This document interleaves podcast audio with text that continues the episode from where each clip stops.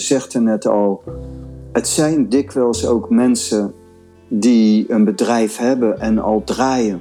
Dus ze hebben een bepaalde intelligentie. Ze doen ook veel dingen goed. Die hoef je helemaal niet weg te gooien. Maar het is alleen, er komt een extra dimensie bij van je natuurlijk zelf ontdekken. En als je je natuurlijk zelf ontdekt en daar weet hoe je daarmee kunt, bijvoorbeeld een bedrijf kunt runnen, dan gaat dat je veel gemakkelijker af.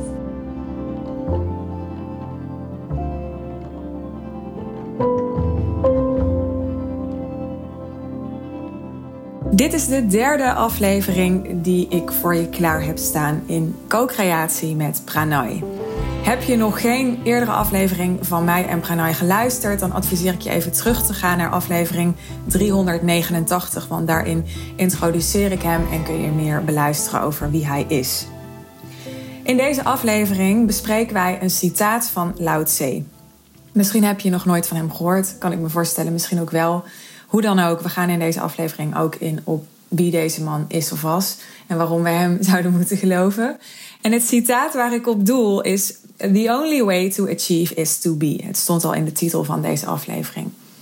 Wat betekent dat voor jou als ondernemer? Wat kan jij daar als ondernemer van leren en hoe hebben we dit citaat te interpreteren? Daar hebben we het over. Zeg ik het goed, Lao Tse? En er wordt op verschillende manieren uitgesproken. Lao Tse is uh, zoals ik het in eerste instantie uh, leerde. Ja. Nou was dat iemand waar ik nog nooit van heb gehoord voordat ik jou kende. Dus ik kan me voorstellen dat meer mensen er niet van hebben gehoord. Hoewel ik wel ook de naam tegenkwam in een boek van Eckhart Tolle. En dat hebben natuurlijk veel mensen gelezen. Mm Dus kun je even kort zeggen wie hij was? Ja, even kort zeggen wie Lao Tse is. Nou, Lao Tse kennen misschien, de naam Lao Tse herkennen misschien veel mensen niet. Maar wat mensen waarschijnlijk wel herkennen is het Taoïsme of het Daoïsme. En Lao Tse is de grondlegger van het Taoïsme. Het was een wijze, wijze man, een soort Boeddha. Die was eigenlijk heel erg gericht en gesteld op zijn privacy. Het verhaal gaat, het is een verhaal wat ik eens gehoord heb, het blijft lastig. Dat hij op een gegeven moment de grens over wilde en dat een volgeling van hem hem niet wilde laten gaan en hem dwong om zijn leer achter te laten. En toen heeft hij in twee dagen, ongeveer twee, drie dagen, de details zullen niet helemaal kloppen, de Tao Te Ching geschreven. 81 hoofdstukken en is heel mooi. En de Tao Te Ching is de basis ook van ons traject samen. Het traject dat ik bij jou volg, kan ik dat zo zeggen? Ja, ja dat kan je zo zeggen. En voor de luisteraar zou je zeggen, nou ga dat boek lezen of uh, ga je eens verdiepen in, uh, in die man. Het was een mhm. man, toch? Ik heb ook ja. wel gehoord dat dat helemaal niet zeker is of het wel echt heeft bestaan. Klopt dat? Ja, de, de, de sinologen bijvoorbeeld, Christopher Schipper, en die, die, die trekken het in twijfel en die zeggen ook de Lao Tse, zoals de Bijbel, dat het een verzameling is en dat er verschillende bronnen zijn die uh, samengevoegd zijn tot de Tao Te. Zelf werk ik op een bepaalde manier, net zoals de Bijbel, zou je kunnen zeggen. Het zijn 66 verschillende boeken met heel veel verschillende schrijvers. En dus uh, dat is een, een samengesteld boek. Maar voor mij is de Tao Te Ching één geest en de Bijbel ook. God heeft de Bijbel geschreven in, in feite. Misschien door heel veel verschillende mensen heen, maar het was wel God. En zo is voor mij Lao Tse ook hoe het ook is. Ik weet dat niet geschiedkundig, ben ik ook niet zo in geïnteresseerd. Maar ik herken heel duidelijk één karakter in alle teksten. Voor mij is het een, beschouw ik Lao Tse echt als een persoon. En zelfs niet zomaar als een persoon, maar echt als mijn guru. Ja. En even terug naar de vraag. Zou je mensen aanraden om dat te gaan lezen? Altijd. Behalve dat als je het gewoon leest, is het wel heel moeilijk om het eruit te halen. Mijn eerste voorganger, belangrijkste, belangrijke voorganger, was een Taoïst. Ik heb dat boek jarenlang grijs gelezen. En, maar wel ook, het kwam pas in leven, tot leven echt in samenspraak met de oefening en de begeleiding van de oefening. Ja, ik las dus, of ik hoorde, misschien was het een uh, luisterboek dat ik heb geluisterd, van Lao Tse, de uitspraak: The only way to achieve is to be. Ja. En dat sluit heel erg aan bij een, een, ja, een beweging die ik waarneem van ja, ondernemers die, die op een nieuwe manier willen ondernemen. Vooral veel vrouwen die dat echt vanuit de vrouwelijke energie willen doen, vanuit flow willen doen, vanuit een gevoel van moeiteloosheid willen doen en die dat niet op, ja, op, op wilskracht en op pushen willen doen. Dus ik dacht, dit is een uitspraak die heel erg het verlangen van veel ondernemers zoals ik dat waarneem representeert. Maar het voelt ook ja, als een uitspraak die heel veel uh, toelichting nodig heeft. Want hoezo dan? Iedereen zal zeggen, ja, maar dat betekent niet dat je niks meer hoeft te doen. Dus ik dacht, nou, jij kan daar ongetwijfeld een heel um, genuanceerd en, en ook praktisch antwoord op geven. Ja, ik kan daar natuurlijk iets over zeggen, dat ga ik ook doen. En ik kan er ook jaren over spreken. Ja. Het is natuurlijk een hele mooie uitspraak. The only way to achieve is to be. Ik zeg zelf wel eens de asana van pranay zen, wat ik zelf uh, breng, is je intentie van zijn. Dus is to be is ook gericht op persoonlijke macht. Is um, niet zomaar iets. Je kunt gewoon zijn. En, maar gewoon zijn, dat is ook echt een kunst om dan de beperkte banden kwijt te raken. En je authentieke zelf te vinden. Wie ben ik? Heel veel mensen zeggen, wie ben ik? Oh, ik ben God. In de Advaita. En dat is zo simpel. Maar dat, zo, daar, dat volstaat helemaal niet. Heel even, wat zijn uh, beperkte banden voor mensen die denken, wat bedoel je daarmee? Beperkte banden is bijvoorbeeld één, is bijvoorbeeld onwetendheid. Veel mensen weten niet wie ze zijn. En denken bijvoorbeeld dat ze gek zijn van uh, alcohol, gek van suiker. Ze zijn boos, verdrietig, voelen zich onmachtig, onzeker, zijn uh, verlangend, voelen zich gekwetst, tekort gedaan. En dat zijn allemaal beperkte banden. En als je, zo in de term van Lao Tse te blijven, als je iets verlangt, dan zie je eigenlijk slechts dat wat je beoogt. Maar dat is dan een beperkte band.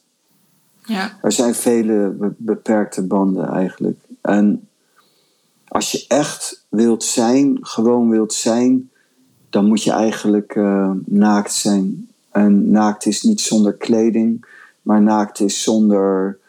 Heel veel mensen die voelen zich onzeker en daarom gaan ze stoer doen en gaan ze compenseren.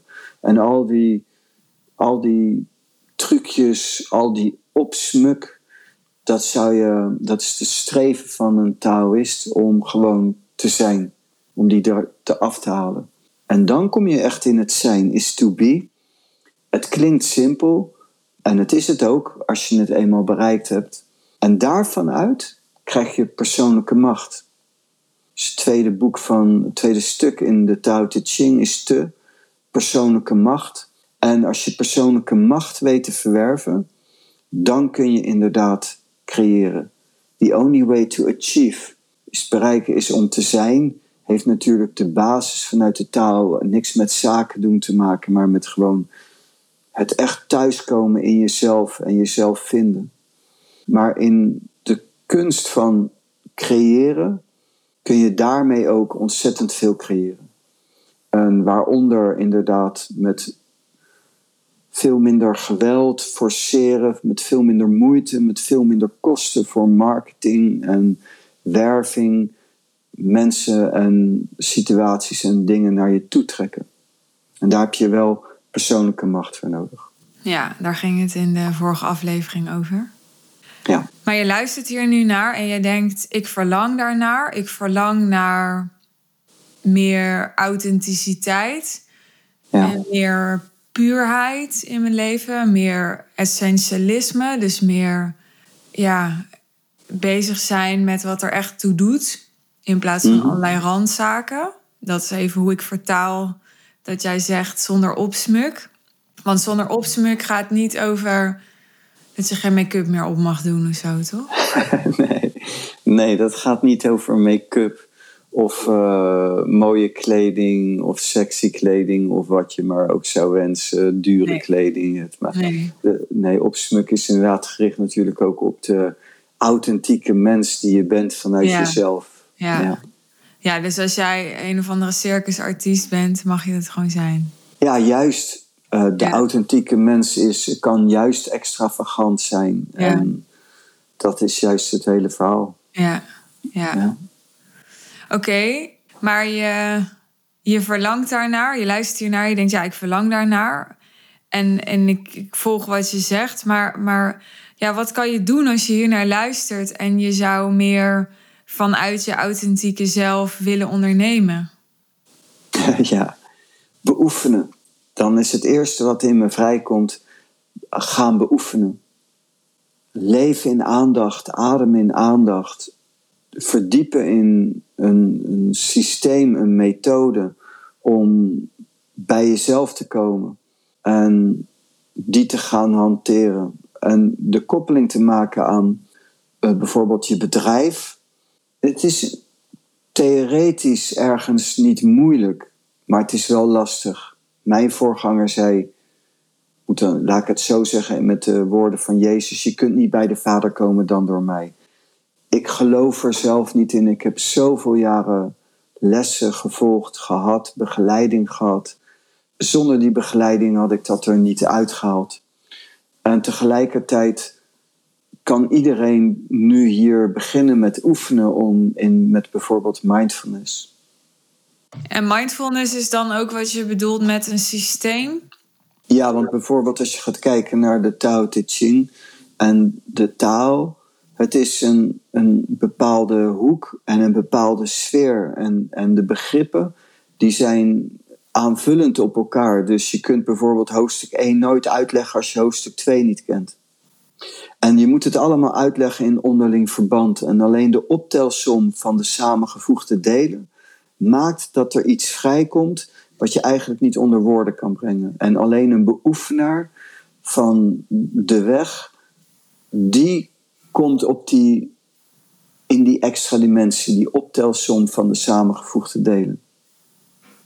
En dus het is eigenlijk niet moeilijk. Je hoeft niet eh, heel je leven om te gooien uiterlijk. Innerlijk moet je je wel committen en moet je wel beoefenen. En het is, je hoeft daar in enerzijds niet veel voor te doen. Dus het is niet zo dat je een, een monnik moet worden, een non moet worden en heel veel uren per dag moet mediteren.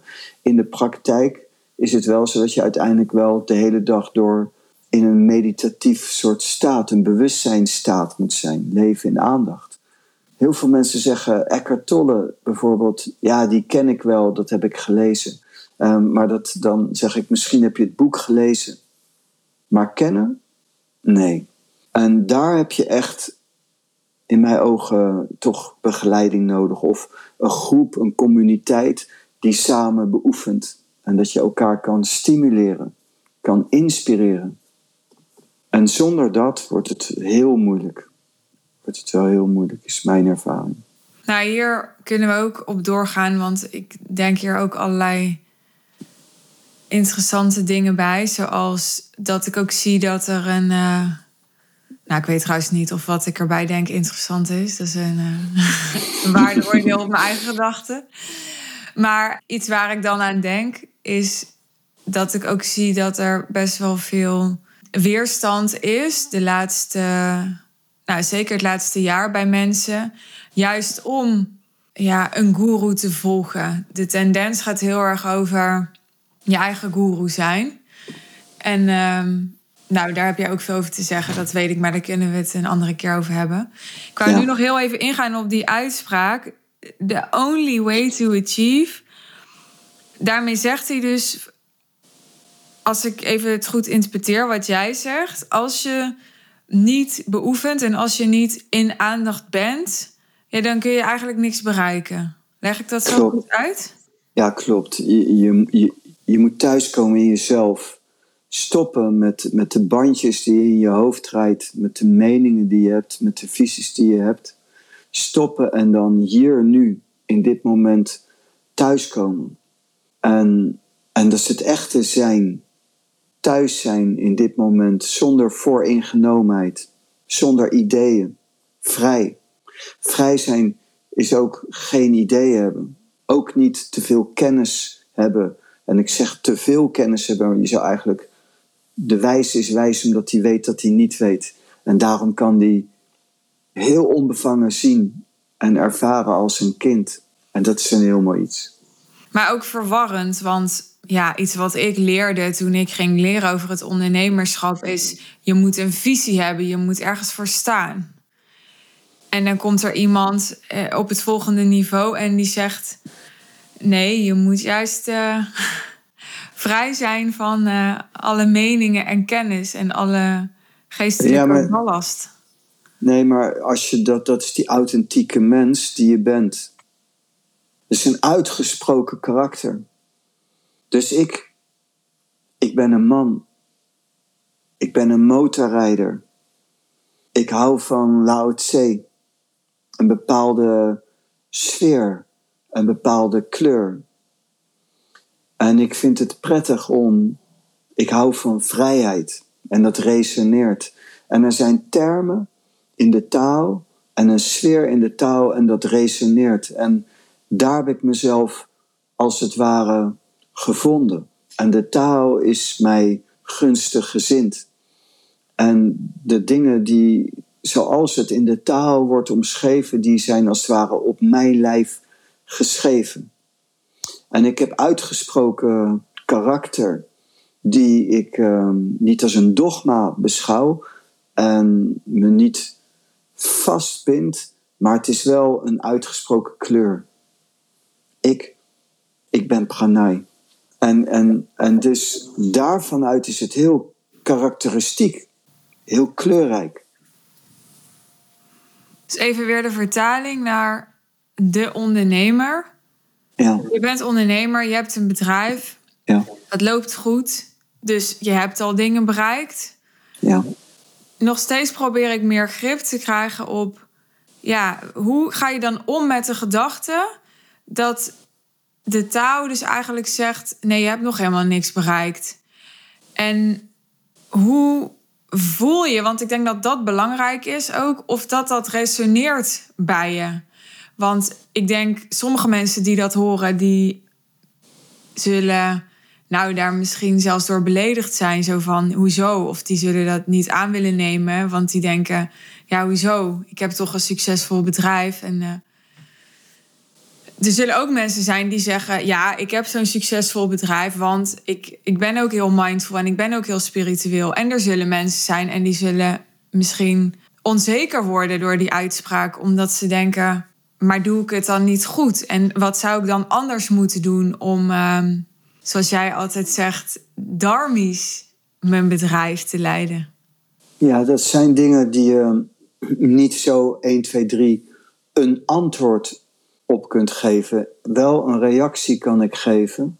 Eén is, de wet is niet bedoeld om te oordelen. Dus je kunt niet iets goed of fout doen en alles is goed en fout tegelijkertijd.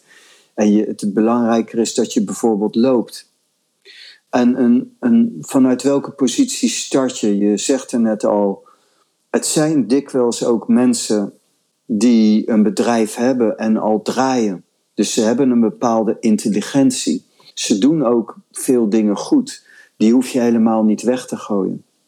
Het is alleen, er komt een extra dimensie bij van je natuurlijk zelf ontdekken. En als je je natuurlijk zelf ontdekt, en daar weet hoe je daarmee kunt, bijvoorbeeld een bedrijf kunt runnen, dan gaat dat je veel gemakkelijker af. En dan wordt het moeitelozer en eenvoudiger en goedkoper, ook qua kosten. Oké, dankjewel. Dit was dus de derde podcastaflevering in co-creatie met Pranay. Dankjewel dat je weer hebt geluisterd. En heb je nog een vraag naar aanleiding van wat je hebt gehoord? Schroom niet om even een uh, berichtje te sturen via Instagram of LinkedIn. Je kunt ook mailen naar hello@suzannevanschaik.nl. Ik wens je een hele mooie dag. Ik hoop dat je er volgende keer weer bij bent. Wil je een notificatie van de komende afleveringen die wij voor je klaar bestaan? Ben dan geabonneerd op de podcast in iTunes of zorg dat je volger bent in Spotify. Want dan krijg je een melding zodra er een nieuwe aflevering voor je klaar staat. Heel graag tot dan. Bye bye.